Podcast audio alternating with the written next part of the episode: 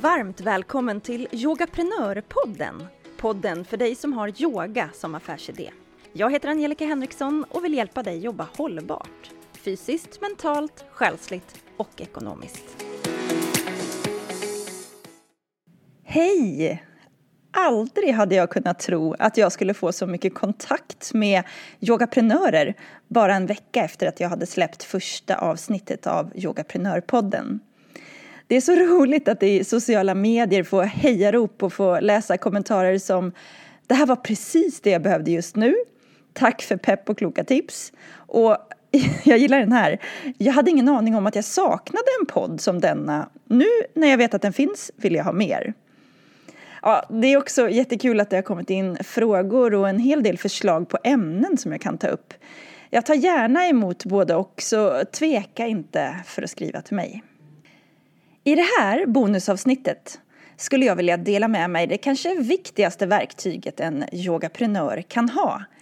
En handlingsplan. Vad är det? Jo, om man slår upp det i ett ekonomiskt lexikon så betyder det en handlingsplan, ibland kallad aktivitetsplan, är ett planeringsverktyg som ska underlätta för företag att uppnå sina kort och långsiktiga mål.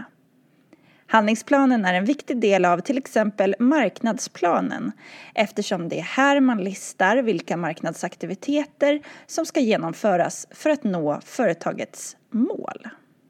Ja, det låter ju helt klart lite högtravande, men det är ju så bra.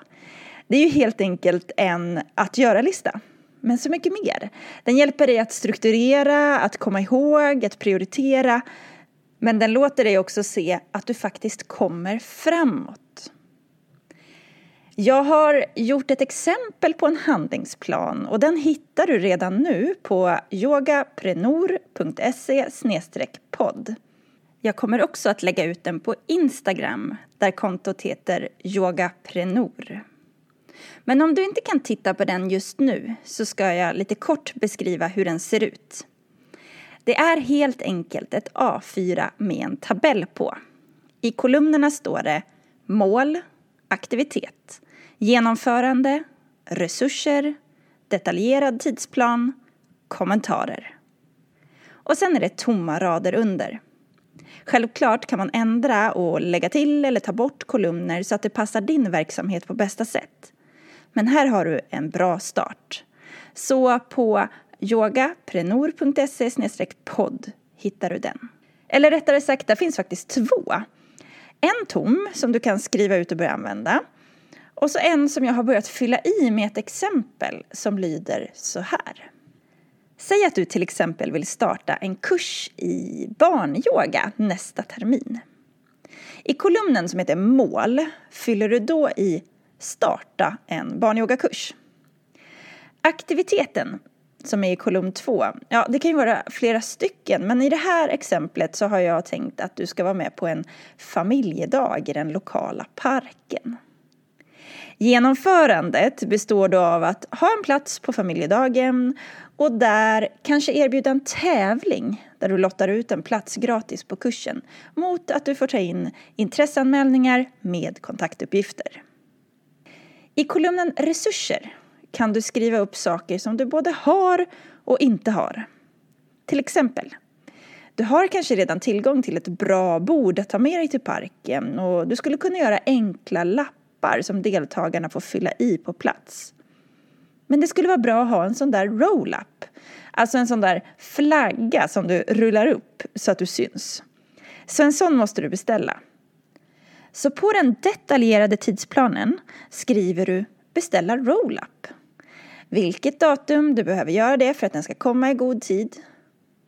Och sen skriver du också upp andra viktiga datum som att du måste anmäla dig till parkaktiviteten och vilken dag du ska sätta dig och göra tävlingslapparna för att hinna med. Kommentarrutan, den är bra för kom ihåg. Alltså alla detaljer du kommer på längs med vägen. Det är bättre att skriva ner än att fylla huvudet med ännu mer komma ihåg.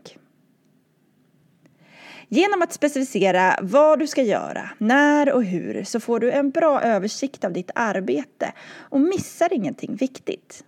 Det är också otroligt skönt att kunna bocka av. Jag brukar faktiskt till och med spara mina handlingsplaner bara för att känna att jag kommer någonstans i mitt företagande. Att kunna gå tillbaka och se, vad har jag gjort? Framförallt är det här ett otroligt viktigt verktyg för att jobba mer hållbart. Och det är ju det som yogaprenör handlar om. Att jobba hållbart i längden.